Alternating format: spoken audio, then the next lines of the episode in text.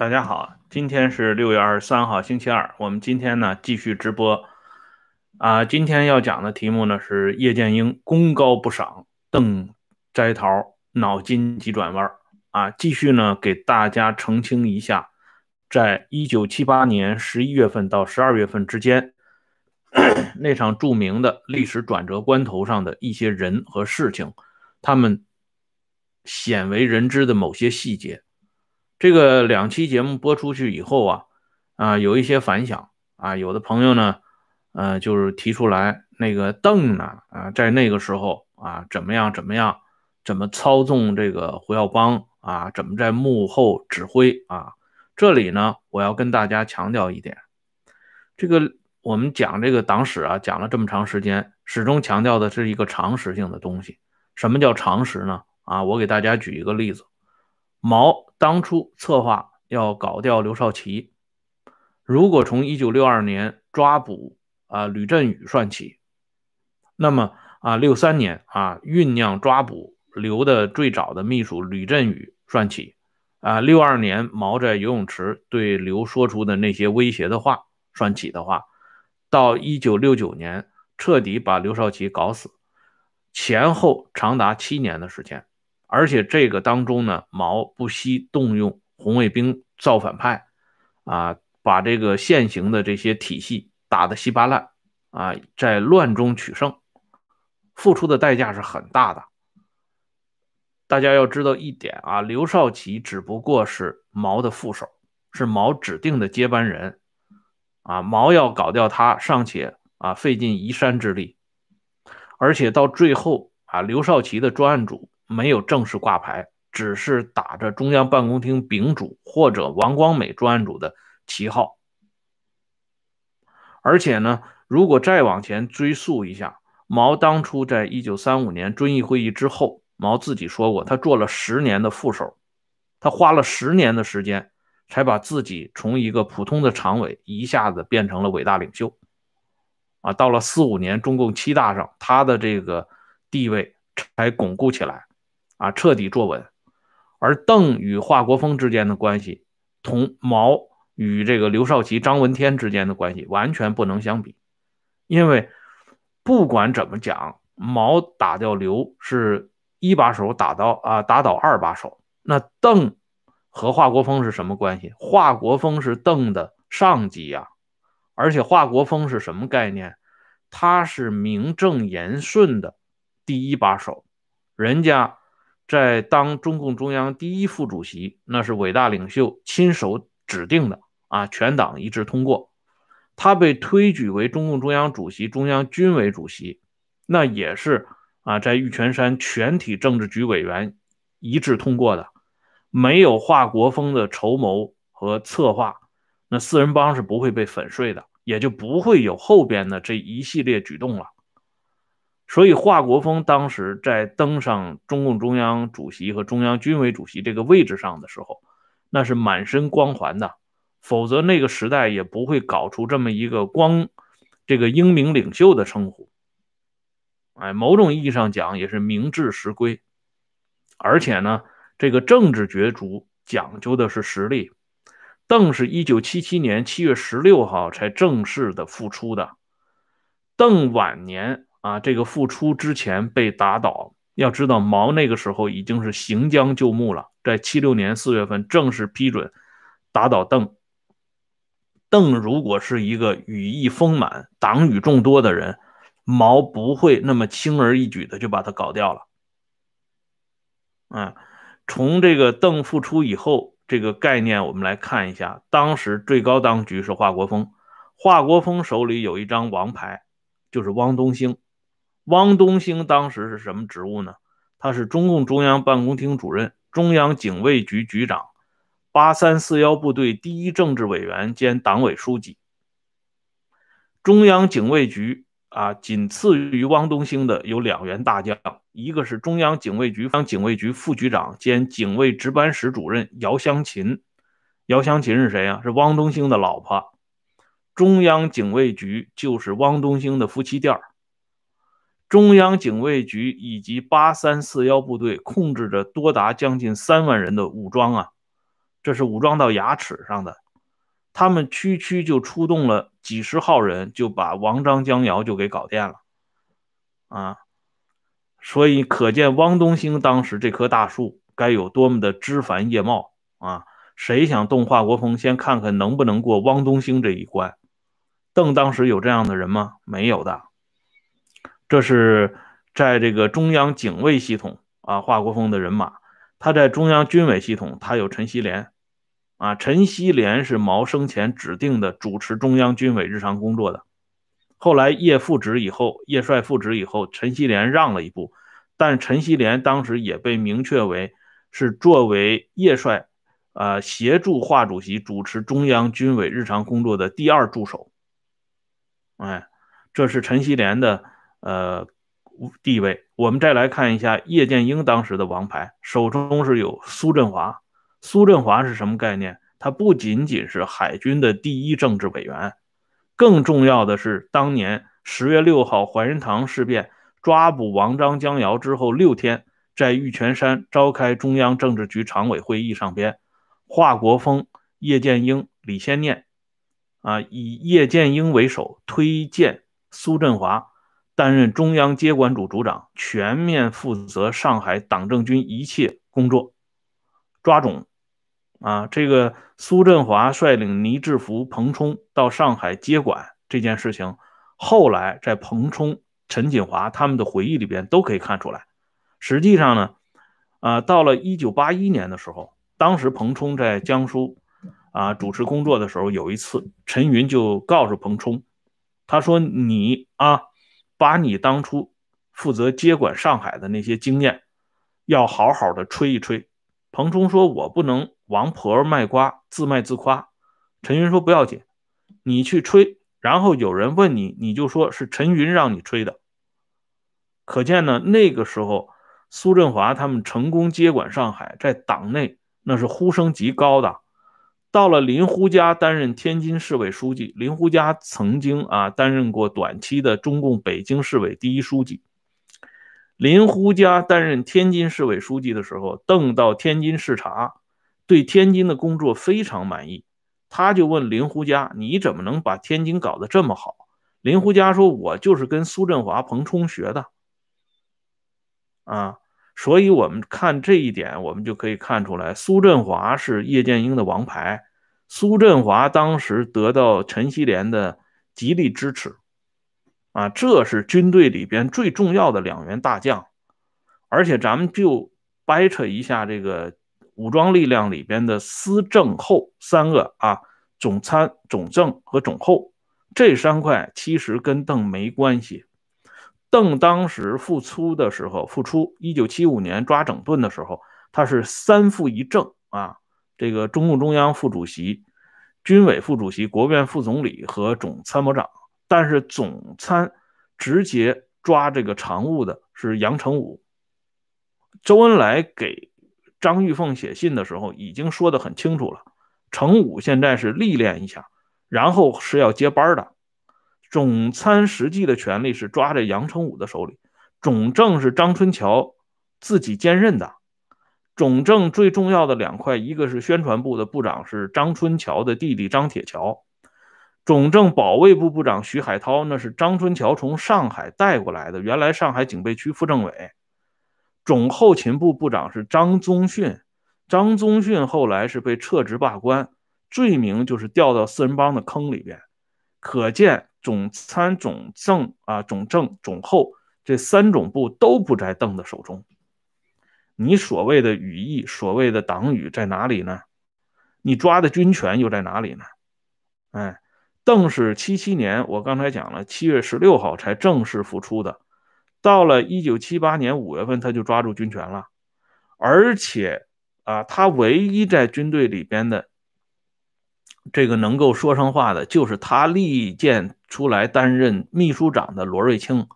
但是那个时候的中央军委秘书长，不再是当年罗瑞卿担任过的军委秘书长了。那个时候的秘书长就是不管部部长，说白了，而且罗瑞卿复出的时间很短，七八年。一九七八年八月十一号，罗瑞卿就没了。哎，所以这个时候时间段真正掌握军权的就是两个人，一个是华国锋，一个是叶剑英。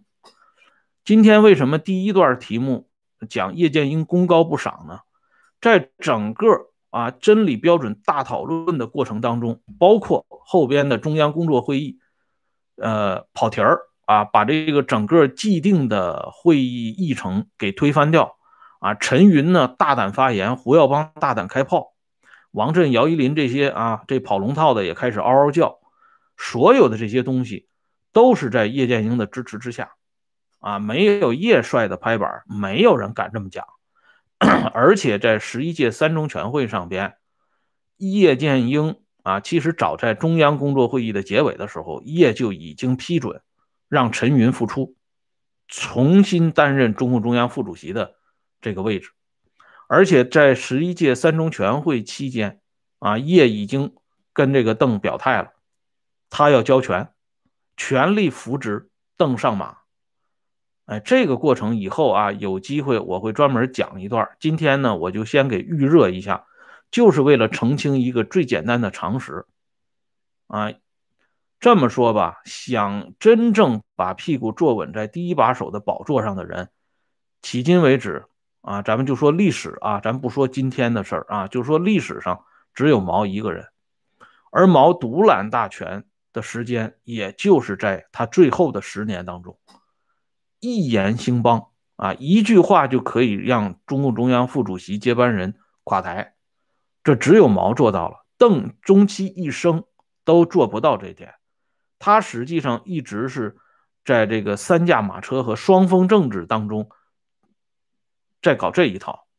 所以你看，邓晚年他跟呃江啊这些人不是讲过这句话吗？他而且是上了邓选第三卷的，他说我是这个。第二代我是一个核心，啊，第一代是主席啊，伟大领袖是核心，第二代我就是核心。其实啊，毛当年就说过这句话，他说核心不是自封的，是在革命斗争实践中形成的。你看看毛这个人，他什么时间、什么地点说过自己啊，我是核心啊，你们都得围着我转，他没说过这句话啊，虎不怒自威啊。因为他手中掌握足够的权力，他已经不需要说这种话来给自己啊这个打分了，啊，反倒是这些啊这个心虚的或者是屁股坐的不够稳的，他才会不断的把核心放在嘴巴上，说哥们儿是核心啊，你们得围着我转，是这样的，哎，毛经常讲的话都是什么呢？呃，政治局的同志们议一议呀，啊，大家商量商量，说一说话嘛。实际上谁敢说话呀？他要不发声，谁敢做结论呢？没有的，哎，这才是问题最实质的地方。而且呢，还涉及到一个 邓的这个脑筋急转弯的话题。我昨天不是讲了吗？这个邓的真正的这个外号，那就是摘桃。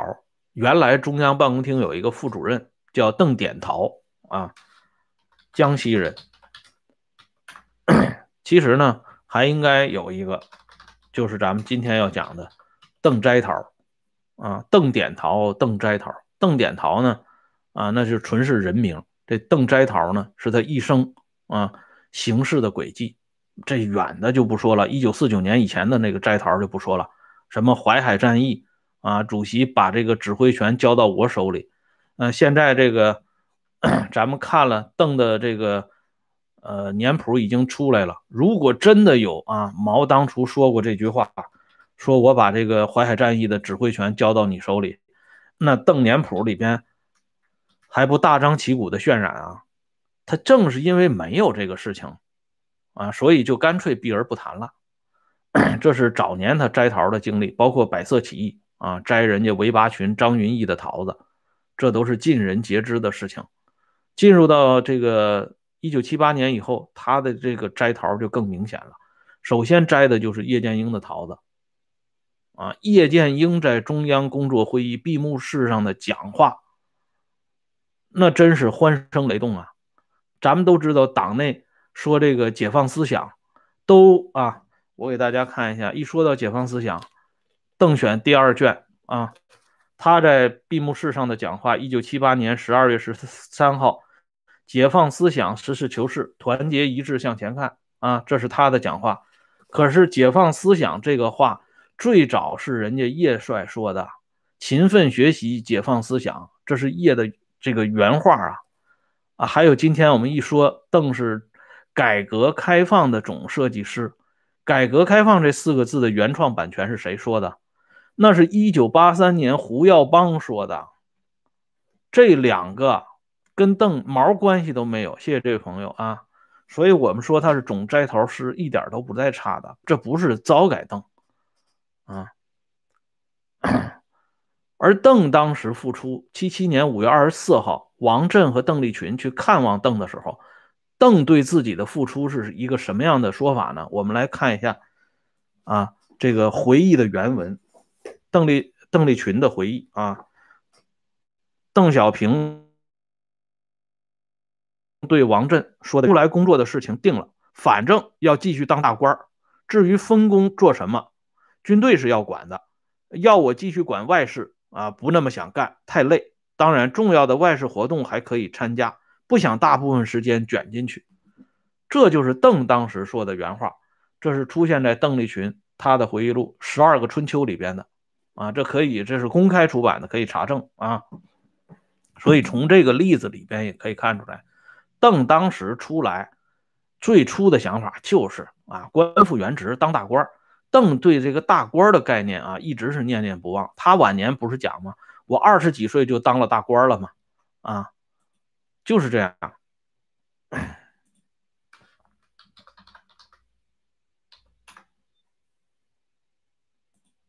实际上啊，我们现在呢再来看，呃，接下来的一件事情啊，我给大家看一眼啊，这是我收藏的一个小册子《天安门诗抄》啊，这是很有名的一个啊，大家看一下封面，这上写的是本书承华主席题签，就是说“天安门诗抄”这几个字是华国锋题写的。我们都知道，当初四五运动。是为了纪念周恩来啊，然后呢，出现了一大批这个非常慷慨激昂的青年啊，包括这个普通群众，写了很多悼念的诗词，最后呢，被宣布为是这个反革命的啊，引起过轩然大波。到了一九七八年七月二十七号，当时《中国青年》杂志啊，《中国青年》这个杂志社副刊，请华国锋、叶剑英、李先念、邓小平题写这个。题词，结果呢？当时是华国锋出访，不在北京。这几个人当中，只有叶剑英提了词了，李先念、邓小平都没提。结果题词之后呢，呃，反响就非常大。当时有的人呢，呃，就是提出了意见，然后总到汪东兴这里。汪东兴，谢谢老弟啊！汪东兴在九月十号下午给共青团第十次全国代表大会筹备委员会负责人打电话，说：“同怀州的天安门诗抄为什么跑到中国青年上边来了？啊，你们的党性跑到哪里去了？哎，我要给大家展示天安门诗抄的目的就在这儿。天安门诗抄。”名义上是悼念周恩来，实际上是拥戴邓这个在一九七五年搞的整顿这块啊，矛头呢名义上是对着王张江瑶，实际上是对着伟大领袖的。按说呢，邓在这个四五运动里边，他是一个正面形象，可是《中国青年》副刊刊登天门诗抄部分内容，就这么个题词，邓都没有提。这个时间是发生在一九七八年七月二十七号的事情。真理标准大讨论，孙长江两篇文章，一个是实践是检验真理的唯一标准，还有昨天我们说罗瑞卿在《解放军报》加编者案转的那个马克思主义的一个最基本的呃原则。这两篇文章都是发生在五六月份的时候。啊，你要说五六月份邓已经大权在握的话，那什么？为什么七月份？他连这个《中国青年》杂志副刊让他题词，他都不敢提呢。他不是没时间，对吧？而且在四五运动这个问题上，他最有发言权。所以说呢，历史上很多事情啊，我觉得啊，如果咱们要是正儿八经的在这聊这个历史话题，就应该呢拿出一些过得硬的证据，而不是人云亦云啊，自己脑子里想什么就是什么，不是那么简单的。我再给大家补充一个细节：叶剑英在中央工作会议闭幕式讲话上边提的三点，非常重要的三点。第一个就是接班人问题，直接触及到实质。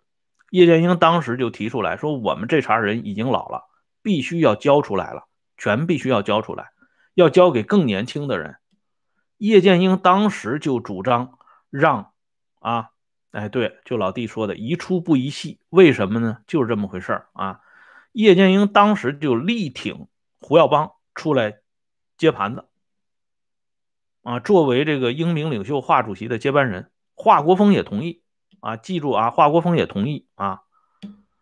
这是第一条。第二条，叶剑英提出来一个非常重要的概念，他引的是列宁的话，列宁的原话。胜利了的社会主义，如果不实行充分的民主，他就不能保持他取所取得的胜利。所以，叶剑英提出，党内不民主已经好多年了，必须要从上至下的解放人民，广开言路，大搞社会主义民主。这是叶剑英提的第二条。第三条就是解放思想，勤奋学习。可是这三条在一九八二年中央文献研究室那个时候已经被陈云给控制了啊，就是原来的毛泽东著作编辑委员会、编辑出版委员会，中央文献研究室编的三中全会以来重要文献汇编里，居然就没有收录叶剑英在一九七八年十二月十三号这天的讲话。所以咱们题目为什么叫叶剑英功高不赏？他的这个。这些举动没有了。那么接下来呢，我们再来看啊，这个邓摘桃为什么脑筋急转弯？他是十一月十四号回到北京的，晚上回到北京。十一月十六号，他找胡乔木谈话，就觉得原来他跟华国锋商量的那个东西不行了，让胡乔木改。但是这个改呢？他当时没有提出来一个大的这个纲，只是让胡乔木来琢磨。其实呢，咱们从这个邓身边的这个笔杆子就能看出来，毛当年说过一句话，说的真的是啊挺到位的。因为毛对林彪和邓小平这两个最亲信的人物，那是看得很透的。毛当时说的原话就是：小平这个人呢，是不读书、不看报、不写字啊。他这一点呢，不像林彪同志。林彪同志还是看一些书的，还是想一些问题的。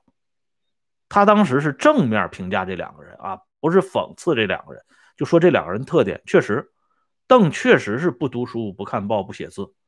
你要说他完全不读书呢，也不对。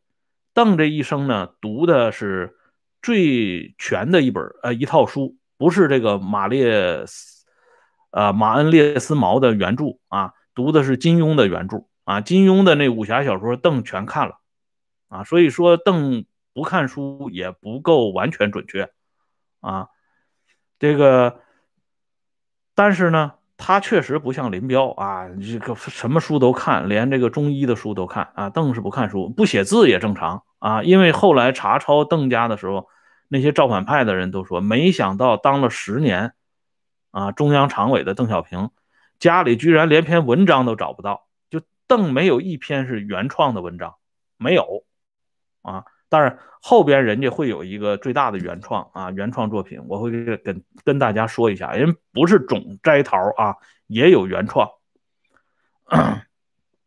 那么现在呢，我们再来看一下啊，邓十一月十六号找胡乔木谈完以后呢，十一月二十七号关起门来，华国锋。叶剑英、邓小平、李先念、汪东兴五个常委，十一届一中全会选出来的五个常委，关起门来聊天啊，不是简单的聊天啊，这是定调子。在这次十一月二十七号这天晚上的谈话当中，邓当时提出了一个重要的观点。邓的观点是什么呢？他说，主席的伟大功勋是不可磨灭的，没有主席就没有新中国。主席的伟大怎么形容都不过分。外国人问我们啊，对主席的评价能不能像斯大林那样三七开？我说坚决不行啊，我们绝对不能像赫鲁晓夫那样，对主席不能什么三七开、四四六开，主席就是主席，永远都是主席。你看着吧，这是十一月二十七号，邓给毛做的最终的定性啊！而且呢，邓提出来，我们中央对主席要有一个统一的说法，就是主席后期身体不行了，连国锋同志他都见不到了啊！然后华国锋就点头啊，是我轻易见不到主席。他说：“你看，所以呢，后边的这些事情，从啊文革前夕的二月提纲这些事情。”都是康生他们捣的鬼，都是四人帮林彪他们搞的，这些事情要由他们来承担责任，跟主席无关。这是邓小平回京七八年十一月二十七号晚上说的话，这个东西不是我瞎编的啊。邓小平年谱，一九七五年至一九九七年上卷里边自己登出来的啊，大家可以找一下看一下。就说到了二十七号的时候，邓还在那里啊维护毛的权威。可是呢，外边的世界不一样了啊！那边胡耀邦在西北组连续四次发言，每一次发言都赢得场内掌声雷动啊！这个大的形势已经扭转过来了。